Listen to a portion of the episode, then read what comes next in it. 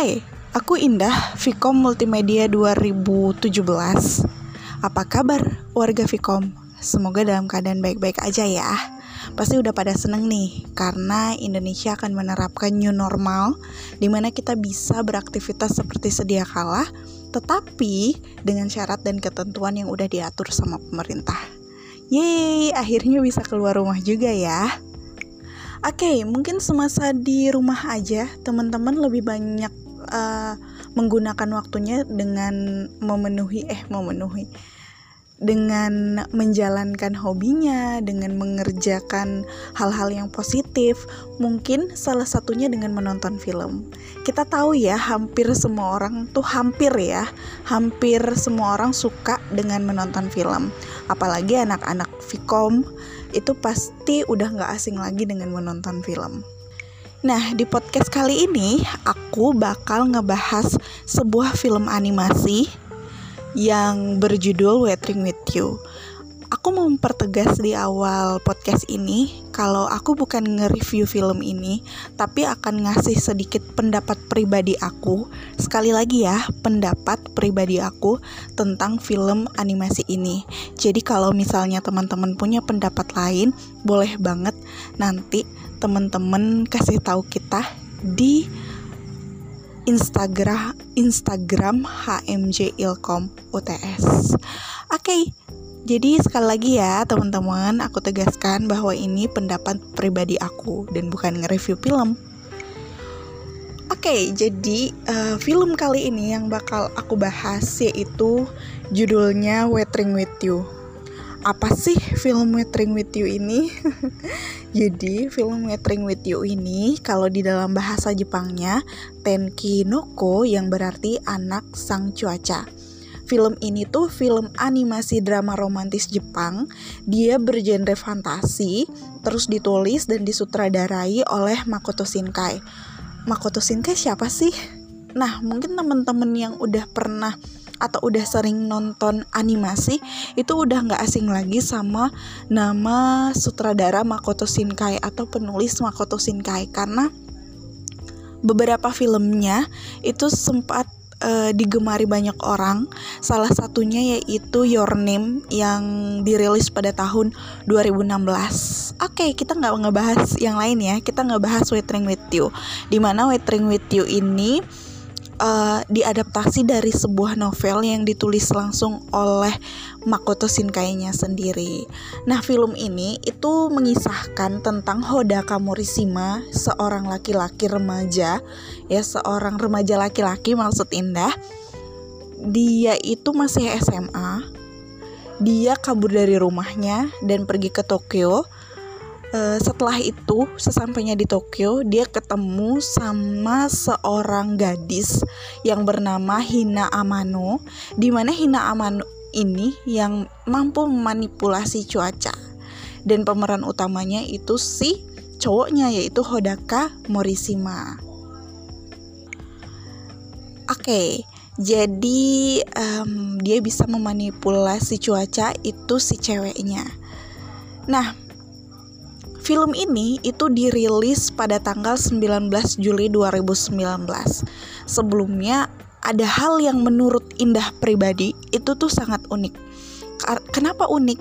Biasanya kan kalau film yang diadaptasi dari novel, contohnya aja di Indonesia ya, film yang diadaptasi novel tuh banyak banget.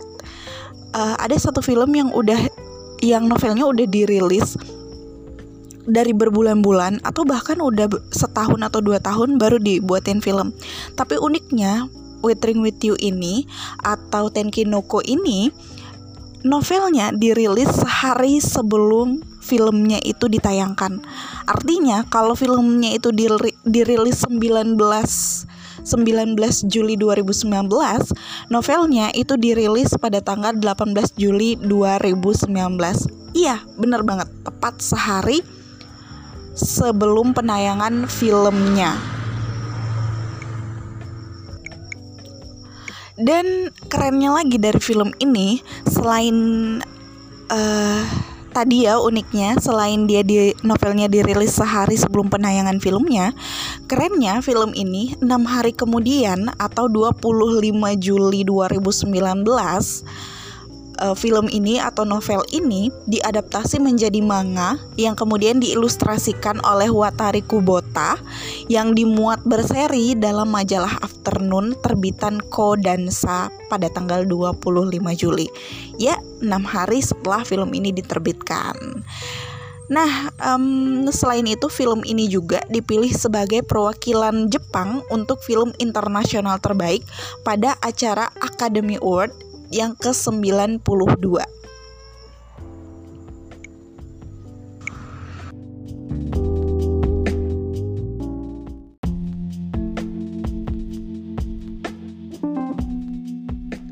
Oke, di podcast kali ini ada beberapa hal yang bakal Indah bahas mengenai film ini. Uh, salah satunya yang pertama yaitu latar tempat. Udah jelas ya kalau latar tempatnya itu di Jepang, di mana Jepang pada saat itu kondisi cuacanya benar-benar nggak baik karena hujan yang terus-terus melanda Jepang. Tapi lebih tepatnya kota Tokyo. Nah, Jepang itu ada cahaya ketika anak sang cuaca mengendalikan cuaca atau mengendalikan hujan pada saat itu. Secara keseluruhan, latar tempat digambarkan sudah bisa dibilang kita bisa mengikuti vibes-nya atau alurnya karena digambarkan secara luas sudah terlihat bahwa cuaca di Jepang saat itu benar-benar buruk buruk dan kita dengan melihat uh, visual yang digambarkan yang digambarkan di film ini kita bisa merasakan bahwa benar-benar Jepang saat itu uh, tidak ada cahaya sama sekali. Bahkan secara detail pun contohnya uh, banjir, orang memakai payung di mana-mana. Kemudian juga digambarkan uh, banyaknya berita yang memberitakan bahwa Tokyo tidak ada cuaca yang terang atau cerah pun itu sudah bisa digambarkan secara detail di dalam film ini. Tapi kalau menurut Indah uh, ada beberapa hal yang mungkin disengaja atau tidak disengaja tapi Indah nggak tahu. Menurut Indah kurang detail uh, digambarkan. Contohnya lokasi rumah dari Hina, uh, Hina Amaru kemudian juga uh, ada beberapa tempat yang kurang detail digambarkan kita hanya melihat secara langsung tiba-tiba udah ada di gang dan menuju rumah atau ada di sebuah tempat dan udah ada di sebuah kantor di sebuah taman tidak digambarkan secara detail uh, bagaimana kondisi uh, tempat tersebut gitu. Jadi ada beberapa yang mungkin sengaja atau tidak sengaja Indah nggak tahu tapi menurut Indah itu kurang detail. Secara keseluruhan uh, gambaran kota Tokyo sih udah digambarkan dan kita udah bisa melihat bahwa uh, Tokyo sedang keadaan yang tidak baik-baik aja kayak gitu. Selanjutnya selain latar tempat di mana uh, tempat kejadiannya adalah Tokyo Indah akan ngebahas tentang tokoh jadi di dalam uh, film Weathering with You ini atau Tenkinuko ini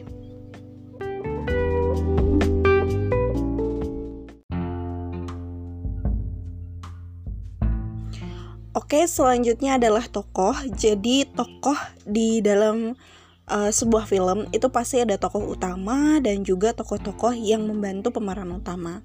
Nah, kalau tokoh utama di dalam film Weathering with You ini atau Tenkinoko ini yaitu Hodaka Morishima, di mana dia adalah remaja lelaki yang kabur dari rumahnya, kemudian pergi ke Tokyo untuk mencari jati mencari jati dirinya.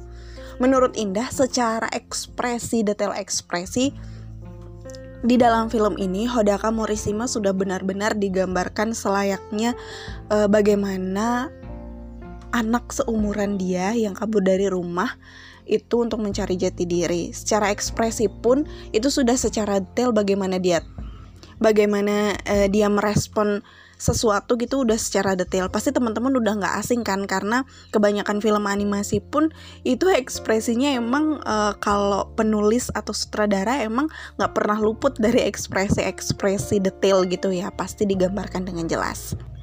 Oke, okay, uh, di dalam sebuah film kita ngelihat pasti itu adalah pemeran utamanya secara keseluruhannya. Nah, di yang Indah lihat uh, pada si Hoda Kamorishima ini dia itu benar-benar sosok yang tangguh. Dia pengen mencari jati dirinya selayaknya seumuran dia anak SMA Indah rasa sih kita semua udah pernah merasakan hal ini ya kayak kita uh, ingin mencari jati diri kita, kita ingin mengeksplor apa sih sebenarnya yang kita bisa gitu, dan bagaimana kita berkonflik dengan keluarga di umur-umur segitu pasti itu udah terbesit di benak eh, anak-anak uh, remaja. Jadi yang bisa kita ambil dari si Hodaka Morishima ini dia emang bener-bener anak yang pengen cari jati dirinya yang buat dia bertekad untuk pergi dari rumah dan menuju Tokyo uh, dia sosok yang tangguh dan gak gampang menyerah sampai dia mau ngelakuin atau mau ngerjain apa pun itu demi bisa uh, bertahan hidup gitu di Tokyo. Tetapi ada beberapa bagian yang menurut Indah itu kurang didetailkan. Salah satunya uh, kita bisa sebagai penonton kita bisa mengembangkan cerita itu meskipun tidak dijelaskan atau tidak diceritakan secara menyeluruh. Uh, tapi kisah si Horisima ini, Moris ma maaf, kisah si Hodaka Morisima ini kisah si Hodaka Morishima ini dia tidak dijelaskan uh, alasan detailnya kenapa dia kabur dari rumah karena bisa jadi itu yang mengakibatkan dia bisa tangguh pengen bertahan tetap tinggal di Tokyo dan itu bisa menjadi pembelajaran berharga bagi penonton. E, contohnya aja, misalnya dia kabur dari rumah karena berselisih faham dengan kedua orang tuanya akibat uh, keinginannya untuk melanjutkan sekolah misalnya. Itu bisa menjadi suatu pembelajaran bagi penonton. Tapi di film ini tidak dijelaskan secara detail kenapa si Hodaka itu uh, kabur dari rumah permasalahan yang dijelaskan pun di film ini hanya dijelaskan kalau dia berselisih uh, dari beberapa artikel yang Indah baca itu dia dijelaskan hanya karena berselisih dengan kedua orang tuanya. Jadi dia kabur dari rumahnya kayak gitu. Jadi itu sebenarnya alasan-alasan yang klasik yang bisa kita temukan di mana aja. Oke, selanjutnya ini juga adalah uh, pemeran yang bisa dibilang paling disorot juga di film ini selain pemeran utamanya Hodaka Morishima yaitu ada Hina Amano uh, Hina Amano ini yaitu anak sang cuaca itu tadi yang sudah Hina jelaskan. Jadi seorang gadis dia itu ceria banget, terus dia itu tinggal sama adik laki-lakinya dan dia punya kemampuan khusus yaitu kekuatan untuk meng menghentikan hujan terus bisa menerangkan langit di beberapa titik nggak di semua titik ya. Dia hanya bisa misalnya uh, di kampung A gitu kampung B. Jadi nggak secara keseluruhan. Sebel sebelumnya uh, dia punya mukjizat ini karena dia melihat sebuah cahaya uh, ketika dia menemani ibunya di rumah sakit kayak gitu. Nah, jadi si tokoh Hina Amano ini sendiri nggak di nggak dijelasin secara detail sih ya. Uh, misalnya misalnya kenapa harus dia yang menjadi anak sang cuaca? Kenapa dia yang harus me, uh, mendapatkan mukjizat itu? Ini tuh nggak digambarkan secara detail. Tapi uh, dari yang indah nonton dari yang indah lihat di animasinya dia melihat suatu cahaya. Entah dia saja yang sadar sama cahaya itu atau bagaimana atau dia yang um, kayak terketuk hatinya juga nggak tahu gimana. Tapi dia melihat satu cahaya dan akhirnya dia mengikuti cahaya itu dan akhir dan ujung-ujungnya dia menjadi anak sang cuaca. Jadi nggak ada alasan yang uh, bisa buat Indah yakin atau bisa Indah pahami kenapa harus dia yang menjadi anak sang cuaca gitu. Apa alasannya? Itu juga nggak dijelasin secara detail di film ini. Uh, secara keseluruhan ekspresinya um, itu udah di detail sekali sih menurut Indah udah digambarkan. Dan dan si Hina Amano ini sendiri dia tuh emang bener-bener sosok anak yang ceria. E, meskipun dia menyimpan banyak luka gitu ya. Dia menyimpan banyak beban tapi dia bener-bener anak yang ceria. Dia penuh dengan tanggung jawab, uh, dia benar-benar tangguh dan dia rela berkorban.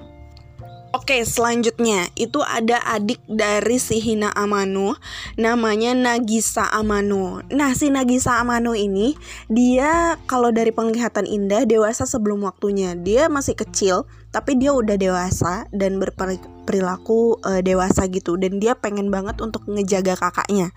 Tapi dia nggak dijelasin juga secara rinci gitu loh. Maksudnya uh, pemeran pemeran yang membantu pemeran utama itu punya peranan penting terhadap pemeran utama. Salah satunya menurut Indah si adik dari Hina ini yaitu Nagisa. Si Nagisa punya peranan yang sangat penting terhadap Hina Amano sehingga membentuk karakter si Hina Amano. Tapi karakter dari adiknya ini si Nagisa Amano ini tidak dijelaskan secara rinci lagi dan lagi. Jadi bagaimana si uh, Agas Nagase jadi bagaimana si Nagi Jadi bagaimana sa Jadi bagaimana si Nagisa Amano ini uh, memperlakukan kakaknya atau kehidupannya sehari-hari bagaimana dia menjalani kehidupannya itu kurang secara detail. Um, si penulis uh, itu hanya memperlihatkan bagian-bagian yang menurut Indah itu nggak penting diperlihatkan. Seperti eh, bagaimana si Nagisa ini merayu perempuan, bagaimana si Nagisa ini banyak cewek yang ngedeketin dia. Menurut Indah itu nggak terlalu penting sih uh, cuma itu jadi bumbu-bumbu aja gitu loh di dalam filmnya. Coba aja ada diselipin bagaimana dia misalnya membantu kakaknya secara rinci atau bagaimana dia mendukung kakaknya secara emosional ketika kehilangan orang tuanya uh, dan lain-lain. Gitu kan itu kita bisa ngelihat bahwa si Nagisa ini membentuk karakter pertama ngebentuk si Hina Amano ini menjadi sosok yang benar-benar tegar gitu. Dan kita bisa ngambil pembelajaran juga kalau si Nagisa Amano ini benar-benar digambarkan secara rinci dan digambarkan secara mendalam lagi baik emosionalnya kepada Hina Amano atau emosionalnya kepada uh, situasi keluarganya saat itu. Oke, okay, uh, setelah Nagisa Amano, adik si Hina Amano, kemudian yang ketiga yang gak kalah pentingnya juga berperan di dalam film ini yang ngebantu pemeran utama yaitu Hodaka Morishima, ada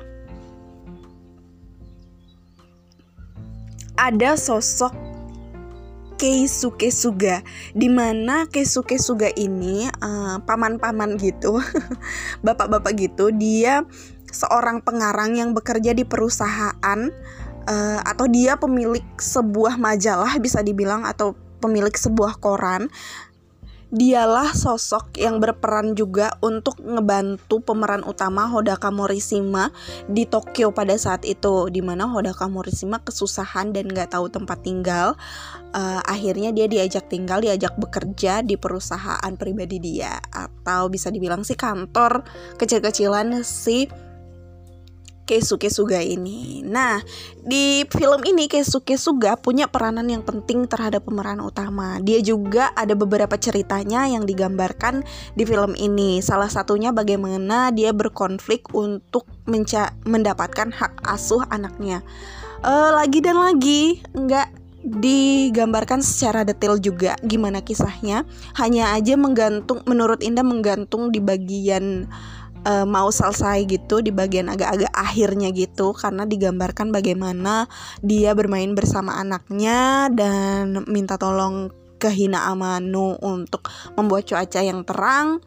Uh, hanya digambarkan bagian itu saja, cuma digambarkan bagian itu saja bagaimana kedekatan dia sama anaknya. Ya, kalau aja lebih menyentuh uh, kisahnya lebih menyentuh atau akhirnya dia sama sekali merelakan anaknya untuk sama neneknya atau dia mendapatkan hak asuh coba aja ada digambarkan sedikit lagi aja kita bisa ngambil banyak sekali pembelajaran sih dari kisah dia.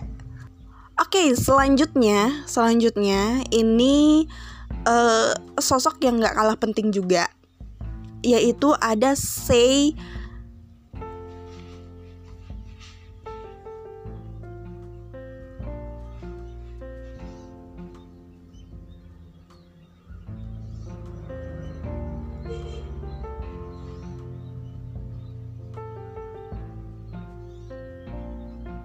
yaitu ada Natsumi.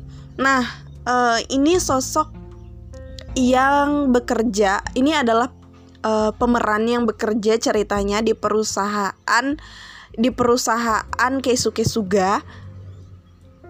Dia juga nanti menjadi partner dari Hodaka Morishima dalam mencari sebuah berita yang akan dirilis di koran atau di majalahnya.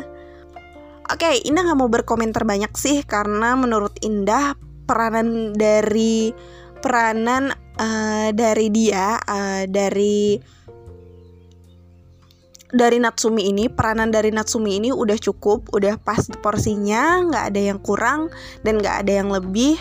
Uh, dari peranan dia di film ini dia banyak ngebantu dari pemeran utamanya. Kemudian bener-bener dia sosok yang happy vibes gitu happy virus gitu.